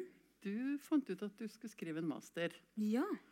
Men du hadde jo vært på huset en stund. da Det var ikke en idé som kom fra bøkene? det der. Nei, eh, det, altså hvis vi skal ta sånn ja, halvlang historie, så kom jeg jo eh, til Trondheim i 2013 og begynte jo å jobbe på Trøndelag Teater i ulike. Eh, da jobbet jeg som teatervert og jobbet litt i Billettluka, og nå har jeg jobbet litt ulike, i ulike funksjoner. Eh, så jeg har sett det meste siden 2013. Eh, og syns det var et veldig spennende teater, selvfølgelig. Eh, jeg mener vel kanskje at det er et av Norges aller mest spennende teatre. Eh, og, og når jeg da skulle skrive en masteroppgave eh, i, eh, om dramaturgi, eller dramaturgisk eh, vinkling, så var det jo naturlig for meg å eh, gå ut fra Trøndelag Teater, ut fra praksis. Eh, og um, da var jeg jo så heldig å lure Elisabeth til å ta meg inn uh, i Dramaturgiate. Uh, jeg regner med du sjekka opp på en sånn OK. Nei. Og du bare satt der plutselig. Ja, jeg bare satt der. Jeg bare dukka opp. Eh, så jeg fikk lov til å Og det ble veldig bra. ja, fikk lov til å være i praksis. Og i hovedsak da å samle erfaring og materiale til oppgaven. Eh, men også liksom bli kjent med dramaturgrollen. Ja, for jeg tenker det er liksom Forskjellen når man skal begå vitenskap, da skal man jo ha en problemstilling, og så Ja. skal man jo ha en metode, og så skal man jo Ja. Samle empiri, Ja. og så skal man ha en teori, og så skal man analysere empirien med teorien, og så skal man ha noe funn. Jo da. Blir ikke teater og sånt. Men nå, nå vil jeg vel da si at det på en måte mitt, ut, mitt sånn helt sånn visst ufaglig utgangspunkt var jo at jeg så et par forestillinger som var veldig interessante på studiescenen. Eh, Moby Dick eh, og for så vidt også Dager under. Og som eh, da eh, Og Christian har nevnt et ord eh, gjennomskinnelig som jeg har snakket om som transparent, eller det jeg har utvikla Eller jeg har utvikla, det som jeg har analysert og på, en måte videreutvikla teoretisk, som da en transparent dramaturgi. Og det var det som jeg Eller det som jeg så eh, under Moby Dick, var jo eh, en gjeng med skuespillere som lekte seg eh, og var i ganske direkte kontakt med publikum. Og man på en måte har, tok litt den eh, ja, man, Den fjerde veggen er borte. Man tar litt ut det magiske ved teatret bort. Altså den eh, ballongen Slått litt hull på den ballongen. Og hei, hei. Og litt sånn som du sa òg. Vi er her, vi vet at vi er her, og eh, at eh, det er kontakt. da. Eh, Og at vi er på teater. Og det syns jeg var veldig spennende. Det var selvfølgelig ikke første gang eh, jeg har vært borti på en måte kommunikasjon mellom sal og scene. Men, men, men dette var jo veldig gode skuespillere. Altså, så det var et eller annet med det som var veldig spennende. rett Og slett. Og så hørte jeg jo om at man snakket om det litt sånn transparent spillestil, transparent estetikk eller gjennomskinnelig. Nå har vi ikke eh, Vi husker vi hadde en diskusjon. Hvem var det som Jeg spurte hvem var det som Uh, hvem var som, Hvorfor kaller vi det transparent eh, spillestil? Hva, hvor, da var vi litt usikre på hvem som starta med det. Nei, Det var Maren Bjørseth som kom med det fra Nederland. for det, Der snakker de om det fordi at nederlenderne har ikke ordet gjennomskinnelig. altså Det heter transpa, transparasi faktisk på nederlandsk. Men det er, jo, det er jo en tradisjon som kommer fra Brecht. Ja. egentlig. Ikke sant? Eh, sånn at det, men det som jeg har gjort da, etter den observasjonen som jeg har gjort over noen år, og, eh, og på en måte i eh, dramaturgiatet i praksis så, eh, eller Det som jeg har gjort i oppgaven konkret, er jo at jeg har rett og slett eh, tatt utgangspunkt i eller jeg ser jo på uh, det dramaturgisynet som Kristian snakker om, med det visuelle og det auditive og det romlige, som en mulighetsbetingelse for i det hele tatt eh, å kunne snakke om en transparent dramaturgi, eller på en måte utvikle en sånn type eh, estetikk, da. Og så er det viktig, som Kristian har sagt til meg, det er jo, dette er jo ikke en metodisk arbeid de har gjort, men jeg mener det er en veldig eh, spennende utvikling på huset. Som også man ser det i dine produksjoner òg. Jeg synes det er veldig interessant. Ja, det, jeg har ikke skrevet noe om det, men, Nei, nei, det men det. fordi det er jo eh, for, for, Men det er, ikke sant, det er jo ulike innganger eh, til den estetikken, og det har jo vi også snakket om. At, eh, at, og det er mye Det er jo ikke en lukka form. Eh, men det handler om Hvis jeg skal bare liksom ta noe sånn Hva Ja, ja, er hva dette? Hva er dette? det er Eller hva er det for meg, på et vis? Eh, så handler det u veldig sånn enkelt og kort fortalt. Da, så handler det om um, en, altså en transparent dramaturgi innebærer en sånn særlig åpenhet om eh, teater- og spillsituasjonen. Eh, og det, vi kan snakke om luka helt åpen, det er din eh, tidligere formulering. Eh, og da den gjennomskinneligheten. Og denne type åpenhet om spillsituasjonen skaper en type direkte kommunikasjon med tilskuerne. Men ikke bare, ikke bare om på en måte, tematikken i stykket, ikke bare men om spillet. Om spillsituasjonen. Um, og det betyr da en sånn dramaturgisk eh, at eh, dette, at man åpner da opp eh, forholdet mellom scene og sal. Og eh, dramaturgien er orientert mot det romlige og det relasjonelle her og nå. Det er på en måte mitt sånn utgangspunkt, eller min eller, veldig sånn eh, eh, sammendrag, veldig kort fortalt. Um, men da ved nettopp å avsløre på en måte sin egen kunstferdighet, da, eh, så opprettes et dobbeltspill eh, som blir utnytta som kommunikativ strategi. Eh, og jeg foreslår i løpet av oppgaven min og det kan vi jo diskutere, at dette er en del av en større estetikk som arbeider med virkelighet som dramaturgisk strategi. Og der tror jeg du også er, eh, Du passer inn i, i dette, du òg. Um, og det handler litt om Og, grunn, og det er ikke virkelighet uh, det er ikke sånn at, man, at en transparent dramaturgi Sånn som jeg ser det, da. Det er ikke det at det har noe mål om å for, forklare eller fortelle hva virkelighet er. Men eh, Eller på Det er ikke sånn, men, men, men når man eh, når, For å si det sånn, da. Når man Eh, når, av, når, man avslører sin egen kus... Eller det må jeg ta fram notatene mine. Nei, men når man avslører, det er veldig bra. Ja, altså, når man avslører sin egen kusverdighet Man kan si det sånn da at hvis eh, ved eh, en transparent dramaturgi jo ved å avsløre sin egen kunstverdighet, så, så, oppnår man en form for autentisitet. Mm. Fordi Eh, og da er det Autentisitet er ikke knytta til spillet som sådan, men det er knytta til kunstrammen mm. og, hvordan, og rommet. Hvordan man forholder seg til det. Mm. Eh, men du har jo gått inn i flere forestillinger. Både ja. 'Glassmenageriet', ja. og Lena, ja. 'Doppler', for å ta en forestilling som veldig mange så. Ja. Men det er litt sånn en problemstilling som jeg ble liksom, eller, I hvert fall en tanke jeg har hatt, og det er liksom at 'Glassmenageriet' det blir eller jeg ser veldig mange av de strategiene i Mats sine mm. arbeider. Mm. Jeg ser ikke liksom de helt store forskjellen på en del av de tilnærmingene du finner i Doppler f.eks. Mm. I bruken av folkelighet, i bruken av det første som kommer fram med kuken og kroppsåpninga og morsomheter. Det finner du masse av i mm. Testikkelstad. Altså, du leker deg med skuespillerrollen. Det er masse metakommentarer på ja, sitt nå han eh, i salen. Altså, det er masse sånn fellestrekk i det der bildet der. Mens jeg opplever liksom at det du holder på med, er noen sånne folkelige greier som er noen folkelige trønderske greier, mens det andre er kunst. Er det sånn? Nei, det er ikke, jeg, ikke i mitt hode det er ikke sånn i det hele tatt. Men jeg syns det veldig sentrale, som du sier, Kjersti, det er akkurat det der med å, at man avslører på en måte med sin egen estetikk. Man sier til publikum at 'hei, nå så dere hva vi gjorde', mm. og så gjør vi det videre på de premissene. For da, da, kan dere lese alt vi gjør. Mm. Det, det, er jo, det, er jo, en tysk oppskrift. Det er Brecht men, uh, fra gammelt av, men det er blitt veldig videreutviklet. Og ikke minst er det blitt videreutviklet gjennom, hel, gjennom hele 60-70-tallet. Den kontakten teateret hadde med billedkunsten og performance og hele den estetikken der, hvor vi lærte på en måte, lærte oss så Der har tradisjonen lært oss uh, teaterets nullpunkt på et vis. Altså Hva skal det til for at noe er teater? Altså, det, det, er en handling som bare forstilles et lite øyeblikk, og så er vi i en frame. Uh, og den estetikken, helt som du påpeker, den avslører det.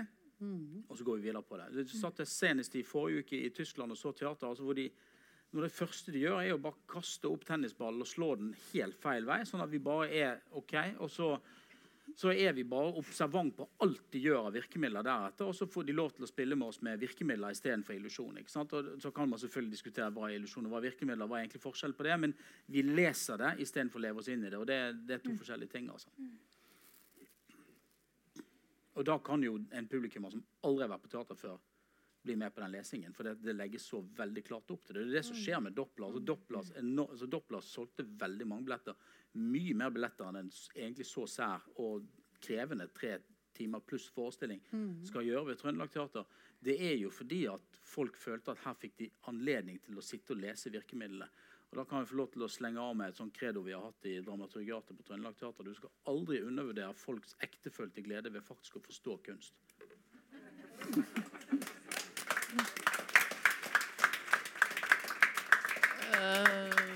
Jeg tror vel at det liksom kanskje er litt på jakt, eller har tenkt rundt det, er liksom at OK, så har du Moby Dick der, og så har du Nøtteknekkeren eller Tordenshow eller altså Det er på en måte en slags sammenheng, da. At det fins en eller annen fellesnevner i denne estetikken som har vært utvikla under din periode?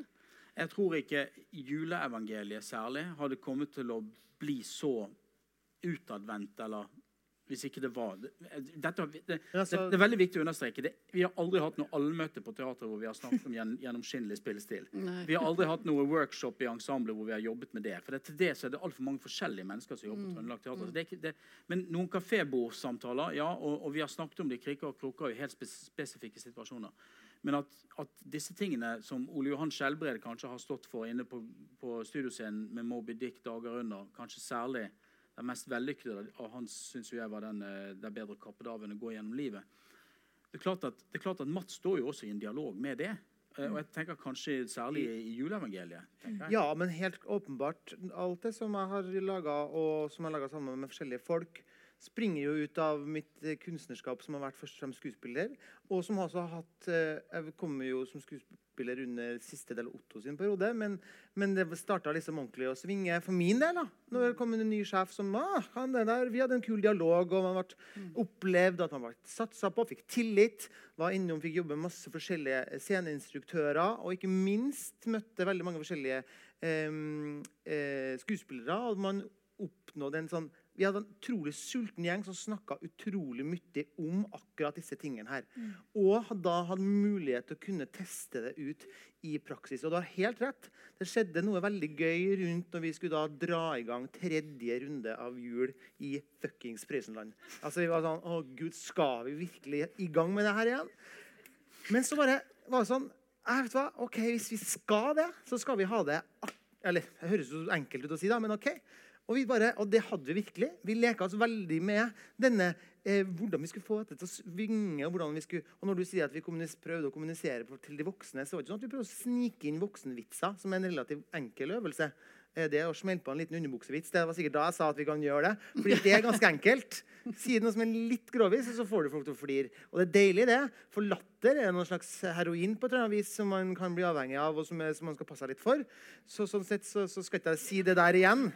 Eh, men der var det på en måte det var, Og det var folk som hata den eh, versjonen der òg. Men vi, for oss var det kjempeviktig. For oss var det viktig fordi vi jobba med Erlend Sammenøen, som er en fabelaktig scenekunstner og, og koreograf og regissør, som vi da kunne ta med oss rett videre inn i.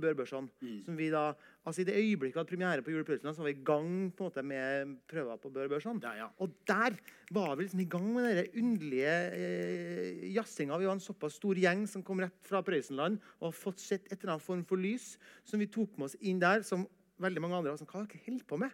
Altså, jeg husker Kjersti Teterås som Laura Isaksen. Da, jeg, nei, jeg snakker altså, snakk trøndersk, jeg.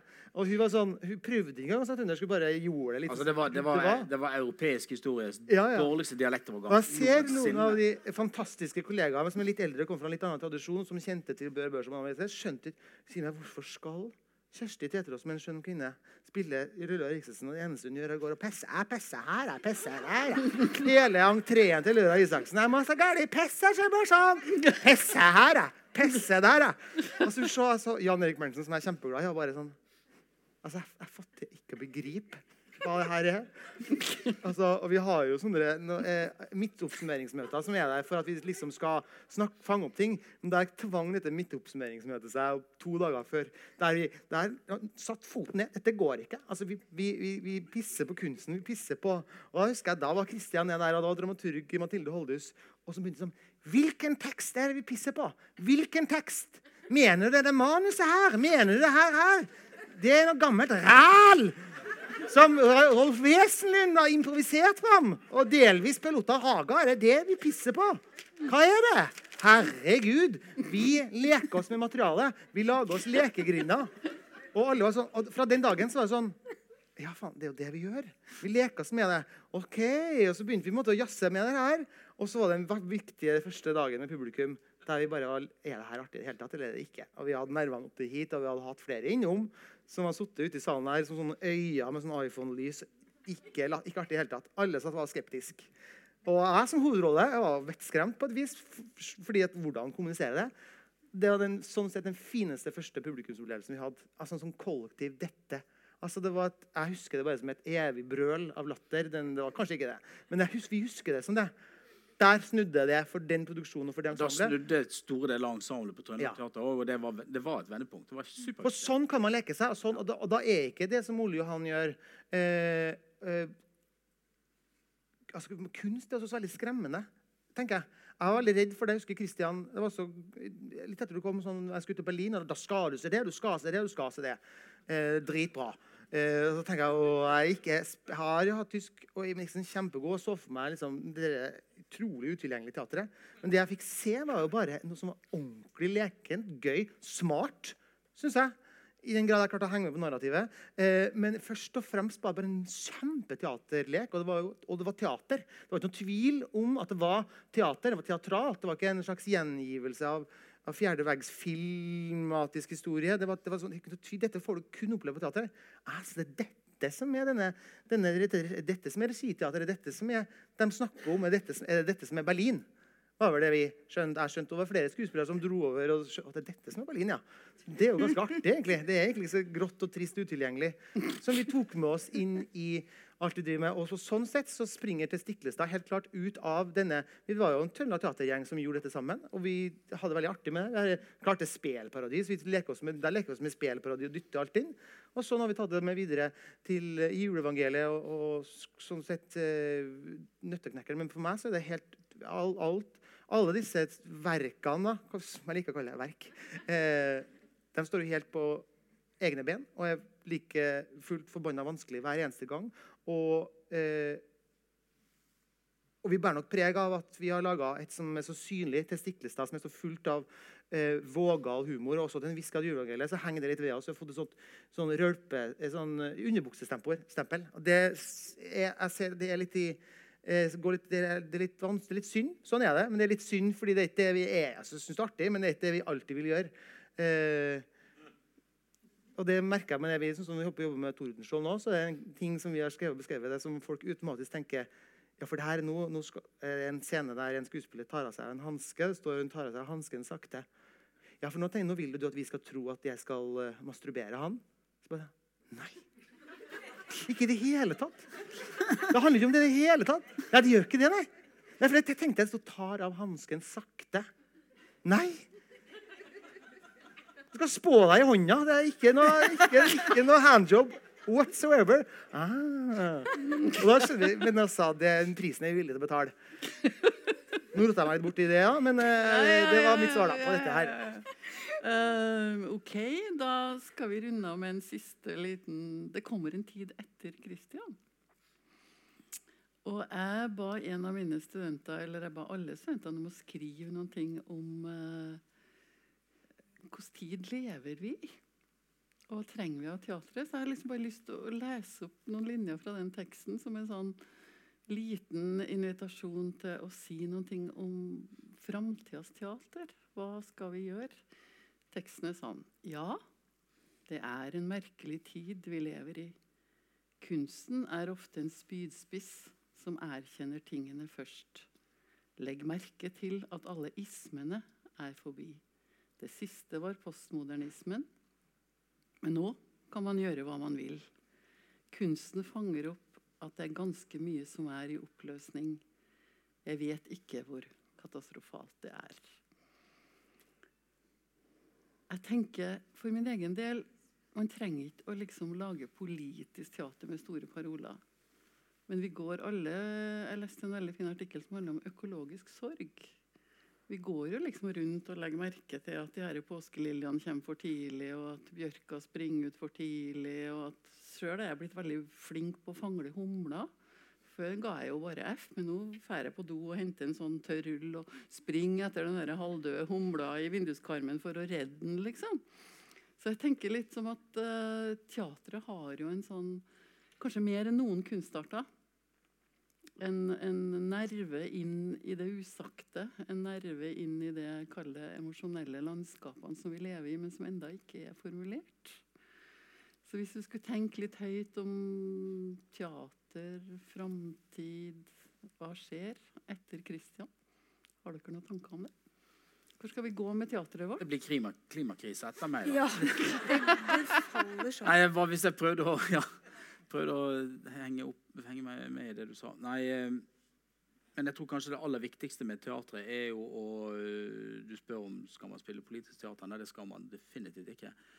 Eh, for det går ikke an. for det er et politisk teater, hvis man skal forstå det beint frem, så blir det partipolitisk teater eller ideologipolitisk teater. Det skal man ikke spille på en så åpen og demokratisk arena som det Trøndelag Teater er. Men teatret, og særlig et så stort og offentlig eh, finansiert teater som Trøndelag Teater er, spiller en veldig viktig rolle i demokratiet. Så det har jo en politisk funksjon.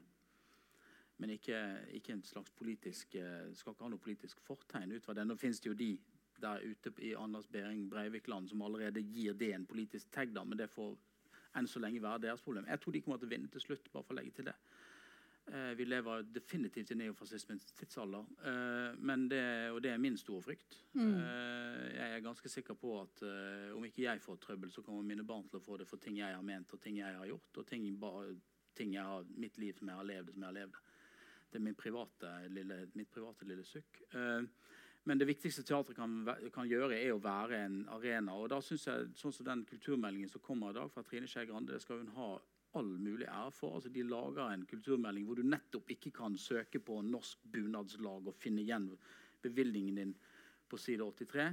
De skriver en kulturmelding som faktisk spenner, eh, spenner lerretet ganske høyt. Eh, og, de, de, og de setter kulturpolitikken i sammenheng med at vi har de utfordringene vi har eh, med, med fri ytring. Og, men også det at vi har en utfordring i forhold til at, som du har vært inne på med 1000 kroner spørsmålet litt.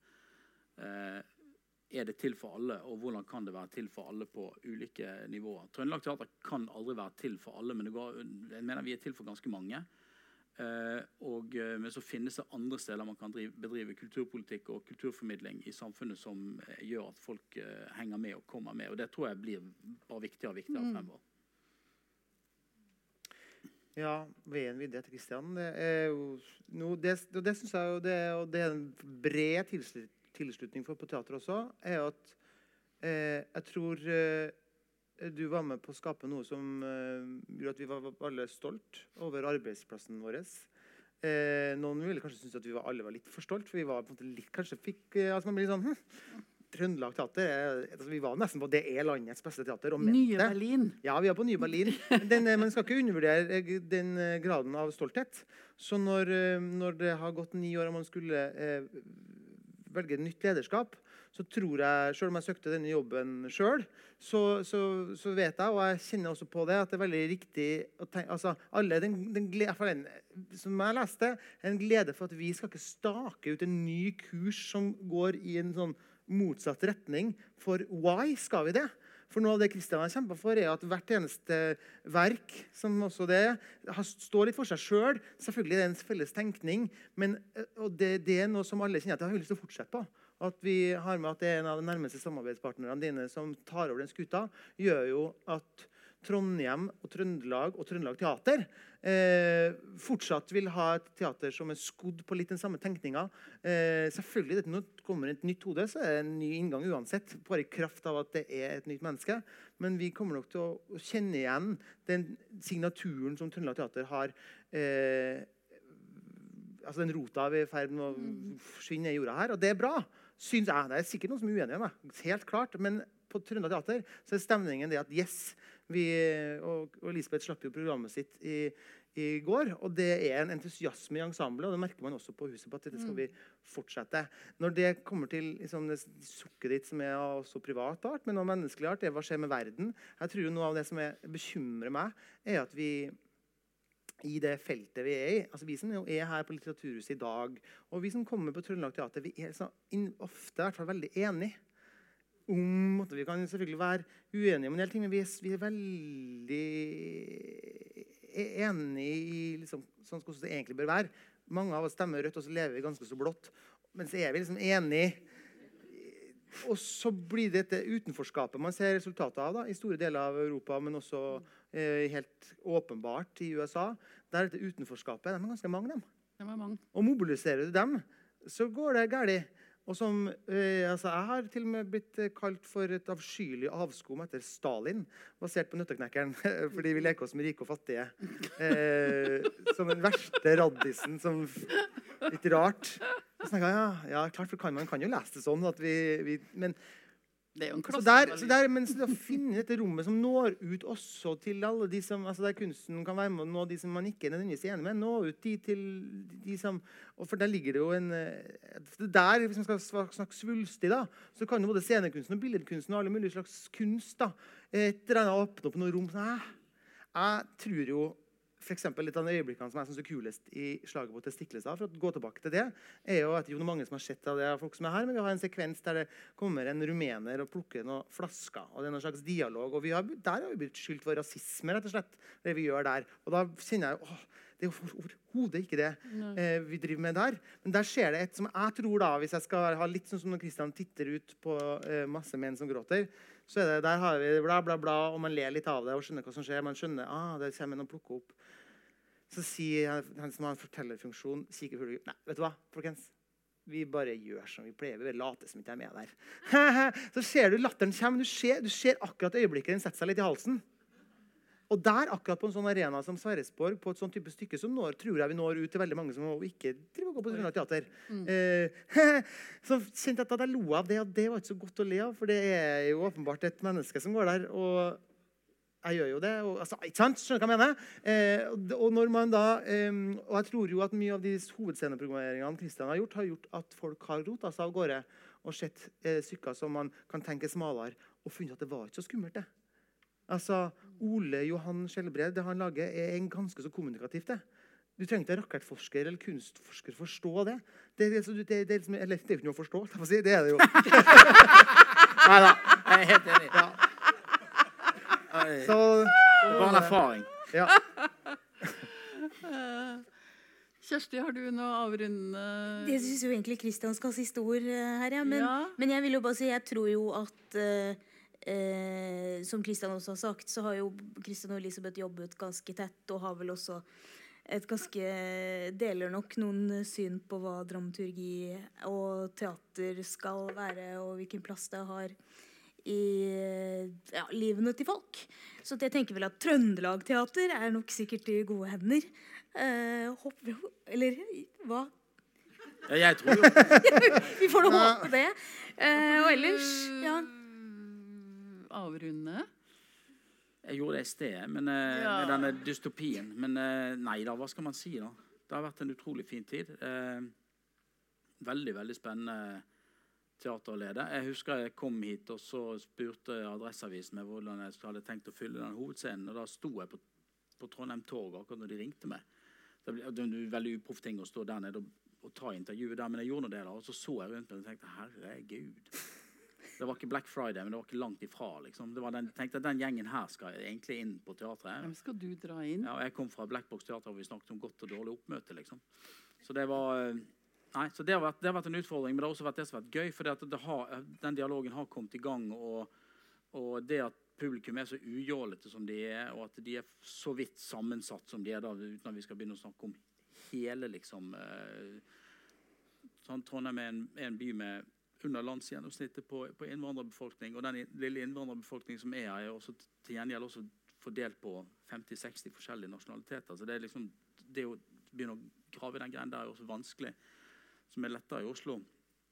Eh, så jeg syns i det store og hele at vi har lyktes med å nå ut. Og det, har, det som jeg er mest fornøyd med, er at vi har fått folk til å komme og se Dürrenmatt, Miller, Brecht. Faktisk også Ibsen på hovedscenen. Ibsen har bare spilt på den hovedscenen en gang før jeg kom. og Det var Katrine Telles sin veldig fine oppsetning av Per Gynt i 2000. Så, så det at vi har greid å få denne hovedscenen til å bli, til å bli det, den hovedscenen det skal være, ikke bare en scene for, eh, for uh, mainstream underholdning, liksom, selv om vi også for så vidt har gjort litt av det, så syns jeg det har vært eh, Det har på en måte vært Ja. Det er jeg mest fornøyd med. Mm, da skal jeg bare avslutte med Jeg tilhører jo en generasjon som ble mobilisert til å gå rundt Gråkallen i bykamp med Bergen, som gikk rundt Fløyen. Det er ingen kan gå rundt Fløyen. Nei, men i hvert fall gikk opp på Fløyen. Nå Da. må du ned i Arna. Altså, det er ingen Ja. som ned i Arna. Men det var i hvert fall bykamp, for å si det sånn. Så jeg tenker at det, det er jo mange som har snakka om deg som bergenser. Er du blitt glad i Trondheim? Er du, føler du en tilknytning? Er du blitt skaptrønder? Nei, det var noen som snakket i går jeg var sånn, eh, Hva heter den der eh, omadressert til uh, Adresseavisen? og Da begynte de å snakke om sin indre trø- Alle de andre der. Det var Tone Sofie Snakk om sin og- indre De begynte å snakke om sin indre trønder i Ah. forbindelse med sånn taxfree og sånn. Hvorvidt man klarer å gå forbi og, eller å kjøpe noe. Og så, det, men, så jeg jo går jo Jeg har faktisk begynt å gå forbi, men, men, eh, men, men, eh, men noen indre trønder kan ikke jeg påberope meg å ha. Så enkelt er det. Det tror jeg har med, det har med genetikk å gjøre. Men eh, nei, jeg er blitt veldig glad i Trondheim, hvis det er det du vil høre meg si. Jeg har det. Eh, jeg synes det blir eh, Men nå, nå har det kommet i etapper. sant? Jeg bodde her oppe med familien min i fem år. Yngste, hun, yngste barnet vårt, datteren vår, hun er født her oppe. Eh, og, eh, og så flyttet vi til Oslo for fire år siden. og sånt. Men så når de flyttet ned dit, og jeg begynte å være her alene i ukedagene, så, så var det ett liksom, det var ett skille. Og så nå etter hvert når det ble ansatt ny sjef, og jeg har vært avtroppende teatersjef sinnssykt lenge, syns jeg, så var nå det et skille. Og så nå i høst, når jeg liksom ikke skulle legge noe program lenger, sånt, så var nå det også, Jeg har ikke gjort noe. altså Jeg har gjort noe sånn organisasjonsutvikling. og Sitter og roter på med noe økonomi som har gått litt dårlig. Sånn. Men det, det, er liksom, det er det jeg har å henge fingrene i for tiden. da. Så det har gått så gradvis nå, men nå det, skal det bli bra å forlate Trondheim. Eh, veldig glad i byen. Superfin by. Eh, mye å si om den på godt og vondt, men eh, det er først og fremst for meg en, en, en del av livet å ha tilbrakt så mye tid i Trondheim. Det, er jo, det har nesten vært eh, da, 27 år i Bergen og hva blir det til sammen? 12 år i Trondheim. Mm. Det tar mer avantgarde. Viktig år. Viktige år. Nei, det er klart, en, det er klart det er min by. Mm. Da sier vi god tur videre. Kristian Seltun, og så sier vi takk for i dag.